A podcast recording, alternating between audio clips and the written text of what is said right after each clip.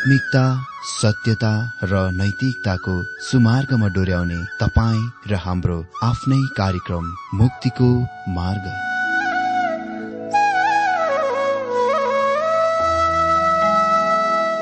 आदरणीय श्रोता यस मुक्तिको मार्ग कार्यक्रममा हार्दिक स्वागत छ आशा छ यस आत्मिक कार्यक्रमद्वारा जीवनमा आत्मिक आशिष अलौकिक शान्ति र आनन्द प्राप्त गर्नुहुनेछ। र जीवनमा धन्य अनुभव गर्नुहुनेछ। आउनुहोस् श्रोता मन र आत्माको तयारीको लागि यो मिठो अनि मधुर भजन गीत सुनौ।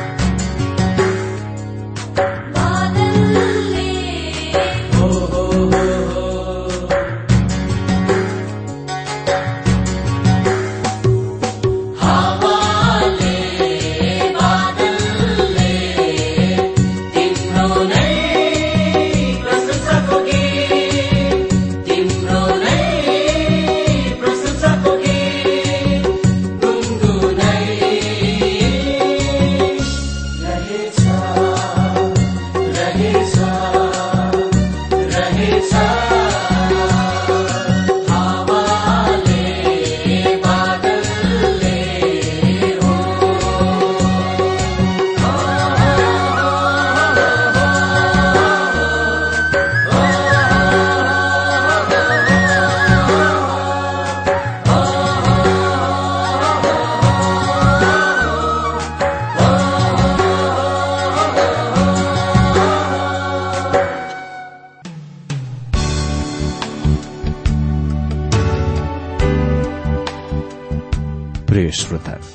प्रसारण मार्फत यो अवगत गराउन चाहन्छौ कि प्रभुको सेवाको लागि यहाँहरूको साझेदारी नित्यन्त आवश्यकता छ। यहाँहरूले प्रार्थनाको साथसाथै आर्थिक सहायता गर्न अनुरोध गर्दछौ। तपाईँहरूको सानो भन्दा सानो भेटी किन नहोस्? हामी प्रभुको नाममा स्वीकार गर्नेछौ प्रभुको सेवाको लागि। तपाईँहरूको यो सानो लगानीले कसैको जीवनमा भिन्नता ल्याउँछ? अनि प्रभुको महिमा हुन्छ। प्रभु तपाईँहरूलाई महान गरी आशिष दिनुहुनेछ। इच्छुक श्रोताहरूले तपाईँको इच्छा भेटी हाम्रो ठेगानामा पठाउन सक्नुहुन्छ जुन ठेगाना हामी कार्यक्रमको अन्तमा दिनेछौं। प्रिय श्रोता मित्र प्रभु येशु ख्रिष्टको मधुर अनि सामर्थ्यनामा मेरो जयमसी तथा हार्दिक स्वागत छ आजको यो बाइबल अध्ययन कार्यक्रममा। म आशा गर्दछु तपाई सबै आनन्द कुशलै हुनुहुन्छ होला। म पनि प्रभुको अनुग्रहमा आनन्द कुशलै छु। श्रोता धेरै धेरै धन्यवाद तपाईँहरूका सुन्दर पत्रको लागि फोन कलको लागि अनि एसएमएसको लागि। निश्चय नै यसले हामीलाई धेरै नै उत्साह दिइरहेको छ। र धन्यवाद दिन चाहन्छु तपाईँहरूका उद्धारताको सहायताको लागि जुनले निश्चय नै यो सेविकाईमा ठूलो टेवा पुर्याइरहेको छ। परमेश्वरको लागि दिनुभएको त्यो सहायताको लागि निश्चय नै इनाम दिनुहुनेछ। म विश्वास गर्छु उहाँले तपाईँलाई यसै संसारमा पनि तपाईँको जीवनमा परिवारमा पेसामा कार्यमा आशिष दिनुहुनेछ। अनि त्योभन्दा धेरै गरेर जब हामी उहाँको सामने आउँछौ परमेश्वरले त्यसको लागि पनि इनाम दिनुहुनेछ। किनकि तपाईँको सहायताले धेरै आत्माहरू परमेश्वरमा जितिएको छ। जीवन परिवर्तन भएको छ। परमेश्वरमा जीवन उद्धार र मुक्ति पाएका छन्। अनि त्यसको श्रेय तपाईँको सहायतामा पनि निश्चय नै जान्छ र त्यसको लागि परमेश्वरले तपाईँलाई र तपाईँको परिवारलाई निश्चय नै इनाम दिनुहुनेछ। म उत्साह दिन्छु तपाईँहरूलाई यसरी नै आउने दिनमा पनि आफ्नो हातहरू बढाउनुहोस्। परमेश्वरको राज्यको लागि विस्तारको लागि अनि परमेश्वरको महान आज्ञालाई पूरा गर्नको लागि किनकि यो हरेक विश्वासीहरूको परम कर्तव्य हो। परमेश्वरले निरन्तर तपाईँ र तपाईँको परिवारलाई अनि तपाईँको काम पेसामा आशिष दिनुभएको होस् र यसरी नै पत्रचार गर्न भुल्नुहुने छैन अनि हामीसँग आत्मीय संगति राख्न निरन्तरता दिनुहुनेछ यो हामी विश्वास गर्दछौ र परमेश्वरले धेरै धेरै आशिष दिनुभएको होस्। श्रोता आज हामी बाइबल अध्ययन मिका दुई अध्यायदेखि शुरू गर्न गइरहेका छौं। यहाँ हामी मुख्य विषयको रूपमा देख्छौ भविष्य वक्ताको दोस्रो सन्देश जुनले विशेष खास पापहरूको वर्णन गर्दछ। मित्र यस अध्यायमा मिकाले मानिसका विशेष पापहरूको वर्णन गर्दछन् भन्छन् दण्ड यी मानिसहरूमाथि आयो किनभने तिनीहरू प्रतिमा पूजामा गएथे। त्यस दिनमा प्रतिमा पूजाले अति नै निच घटिया अनैतिकताको प्रतिनिधित्व गर्दथ्यो र वेश्याहरूको ज्याला वा दामहरूको अग्ला अग्ला ठाउँहरूमा कमाइन्दथे। जबकि सेक्स वा काम बासना तिनीहरूका प्रतिमा पूजासँग जोडिएकोले गर्दा सम्बन्ध भएकोले गर्दा तिनीहरूको धर्मको लागि वेश्यावृत्ति फण्डहरूको स्रोत थियो वा आय आर्जनको स्रोत थियो। मित्र यो अध्यायमा मिकाले निन्दा गर्ने पापहरू एक अर्काको विरुद्धमा मानव जातिको विरुद्ध पापहरू हुन् जबकि पहिलो अध्यायमा तिनीहरूका पापहरू परमेश्वरसँग तिनीहरूका सम्बन्धमा थिए। जब कुनै मानिस परमेश्वरसँग सही सम्बन्धमा हुँदैन उनको आफ्ना सङ्गी सहकर्मी र अरू मानिसहरूसँग सही सम्बन्ध हुन सक्दैन। अनि जब कुनै मानिस परमेश्वरसँग सही सम्बन्ध हुन्छ उनको प्राय गरी अन्य मानिसहरूसँग पनि सही सम्बन्ध हुन्छ। अध्याय दुई त्यति असल सुन्दर अध्याय होइन। तपाईँ यसलाई परमेश्वरको वचनमा कति पनि सुन्दर अध्याय भएको पाउनुहुने छैन। तर यसले राष्ट्रको पापहरूको प्रकट गर्दछ जुनले त्यसको विनाशको ल्याएथ्यो मित्र हामी परमेश्वरको सन्तानहरूको रूपमा मिकाको कुरा सुन्नु पर्दछ र सचेत भई जाग्नु पर्दछ लेखिएको छ मिका दुई अध्ययको एक पदमा धिक्कार तिनीहरूलाई जसले अधर्मको युक्ति निकाल्छन् जो आफ्ना ओछ्यानमा ढल्केर खराब षड्यन्त्र रच्दछन्। बिहान उज्यालो हुने बित्तिकै त्यो काम तिनीहरू गरिहाल्दछन् किनभने त्यो गर्ने सामर्थ तिनीहरूसँग छ। मित्र यसले अवैध काम बाँच्नको यौन सम्बन्धको अभ्यासको सामेल गरे तापनि यसले मुख्य रूपमा अन्य प्रकारका खराबीहरू तिनीहरूको संकेत गर्दछ जब तिनीहरू रातमा आफ्ना ओछ्यानमा सुत्न जान्छन् जब तिनीहरू रातमा आफ्ना ओछ्यानमा सुत्न जान्छन् तिनीहरू ननिदाएर विस्तारमा ढल्केर अधर्मका युक्ति र खराब विचारहरू गर्दछन्। अनि सम्भावनाहरू यो छ कि तिनीहरू उही समयमा यी कुरामा लिप्त पनि हुन्छन्। त्यसमा लागिरहन्छन् पनि। मैले यस प्रकारका केही मानिसहरूलाई भेटाएको छु।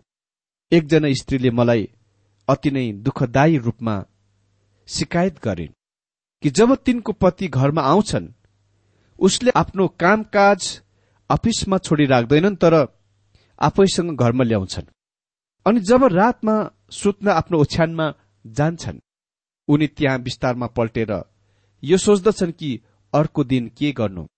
परिवारलाई कति पनि समय दिँदैनथ्यो जुनले गर्दा त्यो स्त्रीले विवाह विच्छेद गर्न निर्णय गरिरहेकी थिए। भनिएको छ बिहान उज्यालो हुने बित्तिकै त्यो काम तिनीहरू गरिहाल्दछन् किनकि त्यो गर्ने सामर्थ्य तिनीहरूसँग छ। यसको मतलब तिनीहरूले त्यो काम गर्न सक्छन् जुन तिनीहरूले योजना बनाएका छन्। हाम्रो समकालीन समाजमा पनि यो सत्य छ कि पापीहरू र अधर्मी ऐश्वर्यहरू सफल छन्। कुनै राष्ट्रहरूका धन सम्पत्ति र अधिकार प्राय गरेर ईश्वरीय धर्मी भक्त मानिसहरूको हातमा छैन। यद्यपि यो मानिसहरूको हातमा भए तापनि पैसाको मतलब हो शक्ति सामर्थ र अईश्वरीय मानिसहरू कुनै गलत खराब काम गर्न आपत्ति मान्दैनन्। धन सम्पत्तिको लागि प्रसिद्धताको लागि र अधिकार शक्तिको लागि। अनि यही नै कारण प्राय धेरै मुलुकहरू दयनीय स्थितिमा छन्। आज धेरै प्राय जसा मुलुकहरूको अधिकार र पकड ऐश्वर्य मानिसहरूको हातमा छ। यो उही पाप हो जुनले इसरायललाई पतन गरायो। मिकाले मानव सरकारका हुकुमतको दर्शन शास्त्र पेश गर्छन् जुन परमेश्वर पछ्याउनुहुन्छ। यदि तपाईँ यसको सन्देह गर्नुभए शंका गर्नुभए महान राष्ट्रको पतनको इतिहास पढ्नुहोस्। जब शक्ति र धन सम्पत्ति रुपैयाँ पैसा ऐश्वर्य मानिसहरूको हातमा पर्दछ परमेश्वर दण्डमा चाल चल्नुहुन्छ। मिका अझै आफ्ना दिनका ती मानिसहरूसँग बोलिरहेका छन् जसका जीवनहरू दिनमा चौबिस घण्टा खराब गर्ने कामहरूद्वारा चरित्र चित्रण गरिएका थिए। अहिले उनी तिनीहरूका निश्चित पापहरूको उदाङ्गो गर्दछन् खुलस्त गर्दछन्। दुई पदमा भनिएको छ तिनीहरूले खेतहरूको लोभ गरेर ती खोज्छन् र घरहरूको लोभ गरेर ती कब्जा गर्छन्। तिनीहरूले मानिसको घर तथा उत्तराधिकार ठगेर लिन्छन्। तिनीहरू खेतहरूको लोभ गरेर खोज्छन्। अनि यसको उदाहरण हामीसँग पहिलो राजाको एक्काइस अध्यायमा छ। यहाँ हामीसँग रेकर्ड छ राजा आहाबले नाबोतको दागबारे लोभ गरे र त्यसको कुनै पनि हालतले अपनाउन पाउन हातमा पार्न चाहन्थे र उसले यसको निम्ति थुप्रै कोसिस गरे। तर नाबोत मानेनन्। तर आहाज राजाको पत्नी इजेबेल पापिनी दुष्ट भ्रष्ट स्त्री थिइन्। र तिनले तुरुन्तै त्यस दागबारीको प्राप्त गर्न नाबोतलाई मार्न षड्यन्त्र रचिन्। र तिनले उसलाई मारेर उसको दागबारी आफ्नो पतिको हातमा पारिदिन्। त्यसरी संसारका प्रमुख शासकहरूले जे गर्थे जस्तो अभ्यास गर्थे तल निम्न वर्गहरूले पनि त्यसको अभ्यास गर्न आरम्भ गरे। धनी शक्तिशाली बलवान मानिसहरूले लोभ गरेको अरूहरूको जग्गाहरू हात पार्न सुरु गरे जफ्त गर्न सुरु गरे। किनभने तिनीहरूसँग पैसा र शक्ति थियो। मित्र यो हाम्रो समकालिक समाजमा पनि कुनै नौलो कुरो होइन। लोभ लालच नै इसरायलको एक महान पाप थियो। मैले कहिले पनि यो कुरा बुझेको छैन कि किन मानिसहरू एक करोड भन्दा धेरै पैसा चाहन्छन्। मैले सधैँ सोचेको छु कि यदि मसँग त्यति धेरै पैसा भए म कति पनि अरू अधिक चाहन्नथे तर यो यस्तो देखिन्दछ जब कुनै मानिसले एक करोड पैसा कमाउँछ वा पाउँछ उसले दुई करोड पैसाको इच्छा गर्दछ।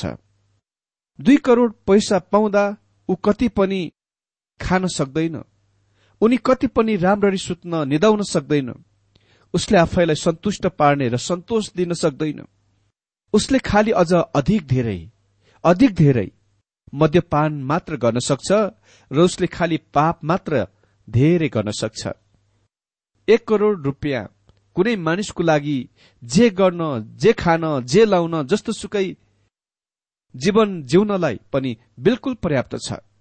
तर मानिसहरू निरन्तर झन् धेरै धनी धनी धनी हुन चाहन्छन्। अंग्रेजीमा पुरानो कहावत छ धनी झन् धेरै धेरै धनी बन्दै जान्छन् गरिब झन् धेरै गरिब बन्दै जान्छ। अनि यो नै मानव जातिको कथा हो र मिका त्यस परिस्थितिमा बोलिरहेका छन्। यो कुराको ध्यान दिनुहोस् दुष्ट मानिसहरूले खेतहरूको र घरहरूको लोभ लालच गर्नेछन् र जबरजस्ती लगिहाल्छन्। परमेश्वरले इसरायल राष्ट्रलाई प्रतिज्ञाको मुलुक मात्र दिनु भएन र त्यहाँ मात्र राख्नु भएन तर उहाँले प्रत्येकलाई त्यस मुलुकको विशेष निश्चित भाग पनि दिनुभयो। त्यसपछि उहाँले कुलमा प्रत्येक व्यक्ति विशेषलाई भागमा अंशमा निश्चित जमिनको टुक्रा दिनुभयो र त्यो जमिन उसको अधिकार मुनिको अंश बन्डा थियो। त्यसपछि परमेश्वरले खास व्यवस्थाको ऐन नियम कानूनहरूको स्थापन गर्नुभयो ताकि कुनै मानिसले आफ्नो जमिनको सधैँको लागि गुमाउन नसकुन्। मह उत्सवको वर्षको अवधिमा प्रत्येक बन्धक धितोको खारेज गरिन्दथ्यो र सम्पूर्ण त्यो सम्पत्ति पहिलेकै खास धनी कहाँ वापस फर्काइन्दथ्यो। तर महोत्सवको वर्ष खालि प्रत्येक पचास वर्ष पछि मात्र आउँदथ्यो। यदि तपाईँले महोत्सव पछि दोस्रो वर्षमा आफ्नो जमिन भूमि गुमाउनु भए तपाईँले त्यसको पुनः प्राप्त गर्न अर्को अडतालिस उन्चास वर्ष पर्खनु पर्नेछ। यद्यपि परमेश्वरले गरीबलाई रक्षा गर्न व्यवस्थाहरू बनाउनु भए तापनि धनी सधैँ कुनै न कुनै माध्यमद्वारा गरीबहरूलाई शोषण गर्न त्यो निश्चय नै हुन्छ। शास्त्रभरि हामी देख्छौ परमेश्वर गरीबको पक्षमा हुनुहुन्छ। अब्राहम लिङ्कन भन्ने गर्दथे परमेश्वरले गरीबलाई प्रेम गर्नै पर्छ किनभने उहाँ तिनीहरूलाई अति नै धेरै संख्यामा बनाउनुभयो अनि प्रभु येशु स्वयंले यो पृथ्वीको दिनता र दरिद्रताको अनुभव गर्नुभयो। तीन पदमा भनिएको छ यसै कारण परमप्रभु भन्नुहुन्छ म यस प्रजाको निम्ति यस्तो विनाशको योजना रच्दैछु त्यसबाट तिमीहरू बाँच्न सक्दैनौ। तिमीहरू घमण्ड साथ हिँड्न सक्ने छैनौ किनकि त्यो एउटा विपत्तिको समय हुनेछ। यो अति नै धेरै चाखलाग्दो पद हो। परमेश्वरले भन्नुभएको छ म तिमीहरूलाई निन्दा गर्दछु किनभने तिमीहरू आफ्नो ओछ्यानमा ढल्केर खराब युक्ति योजना रस्तछौ अहिले उहाँ भन्नुहुन्छ म पनि तिमीहरूको विरूद्ध खराब युक्ति गर्न गइरहेको छु। परमेश्वरको त्यो कथनको तात्पर्य के हो त? के परमेश्वर त्यो कुरा गर्न गइरहनु भएको थियो जुन खराब थियो? अह परमेश्वरले अधर्मी र दुष्ट काम गर्नेहरूलाई दण्ड दिन इरादा गर्नुहुन्छ। जुन बिल्कुल सही सही कुरा थियो। तर तिनीहरूका दृष्टिकोणबाट त्यो गलत खराब थियो किनभने तिनीहरू त्यसको मन पराउँदैनन्। तिनीहरूलाई यसलाई तिनीहरूले यसलाई खराब भन्दछन्। आज अर्थ के केही ख्रिस्टियनहरू परमेश्वरले केही निश्चित कुराहरू हुन अनुमति दिनुहुने कुराको लागि परमेश्वरलाई निन्दा गर्दछन्। अर्को शब्दमा तिनीहरू भनिरहेका छन् परमेश्वरले खराबी गरिरहनु भएको छ। अनि परमेश्वर भन्नुहुन्छ उही त्यही गर्नुहुन्छ जुन तिनीहरूका दृष्टिकोणबाट गलत छन्। यदि तिनीहरू निरन्तर पाप गरिरहे उहाँले तिनीहरूलाई दण्डले रोक्नुहुनेछ। भन्नु नै पर्दा उहाँले इसरायललाई भन्नुभयो म खास युक्ति रच्नेछु जुनबाट तिमीहरू आफ्नो घिच्रो हटाउन सक्ने छैनौ। परमेश्वरले तिनीहरूका घिच्रोका वरिपरि बन्धनका साङ्लाहरू हाल्न इरादा गर्नुभयो। अनि इसरायलका मानिसहरूलाई असुरमा बन्दी बनाई लगिए निर्वासनमा लगिए जुन पृथ्वीमा एक सबभन्दा दुष्ट क्रूर राष्ट्र थियो। परमेश्वर यो कथन थप्नुहुन्छ? न त तिमीहरू अहंकारसित हिँड्न सक्नेछौ किनकि त्यो समय हुनेछ। ओ तिनीहरू कति धेरै अहंकारी र घमण्डी थिए। भनिएको छ चार पदमा त्यस दिन मानिसहरूले तिमीहरूलाई हाँसोमा उडाउनेछन्। तिनीहरूले यो बिलापका गीत गाएर तिमीहरूको खिसी गर्नेछन्। हामी बिल्कुलै नष्ट भयौं। मेरो प्रजाको सम्पत्ति बाँडिएको छ। उहाँले त्यो खोज्नुहुन्छ। उहाँले हाम्रा जमिनहरू हामीलाई धोका दिनेहरूलाई बाँडिदिनुहुन्छ अनि पाँच पदमा भनिएको छ यसकारण परमप्रभुको समुदायमा चिट्ठा हालेर जमिन बाँडिदिने तिमीहरूसित कोही हुने छैन। मित्र यो पदको त्यहाँ धेरै अर्थ खुलाइहरू छन्। सम्भवत यसको अर्थ यो त्यस स्थानमा अब कति पनि परमेश्वरको आराधना र उपासना हुने छैन। किनकि तिनीहरू सबैलाई कैदी बनाई असुरमा लगिनेछ वा असुर राष्ट्रमा कैदी बनाई निर्वासनमा जानेछन्। मित्र आज हामीले देख्यौं इसरायलका लोभ र अत्याचारको लागि दण्ड। अनि अर्को दिनमा हामी यही विषयलाई निरन्तर जारी राख्नेछौ। परमेश्वरले आफ्नो वचन अध्ययनमा हरेकलाई धेरै धेरै आशिष दिनुभएको होस्।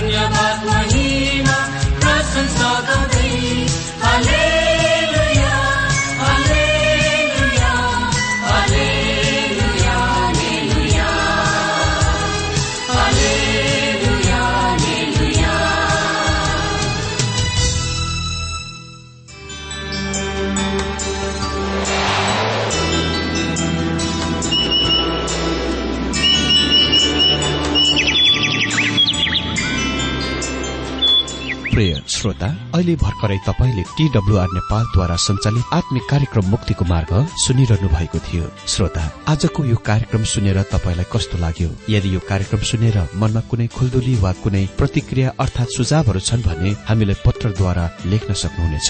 हामी हृदयदेखि नै स्वागत गर्नेछौ स्वीकार गर्नेछौ साथै बाइबल सम्बन्धित प्रचारहरू कार्यक्रम सारणीहरू हामी अनुरोधमा पठाउन सक्छौ। अनि तपाईँसँग कुनै प्रार्थनाको विषय छन् भने हामीले तपाईँको लागि प्रार्थना गरेको चाहनुहुन्छ भने प्रभुमा आफ्नै परिवार सम्झेर हामीलाई पत्रमा लेख्न सक्नुहुनेछ।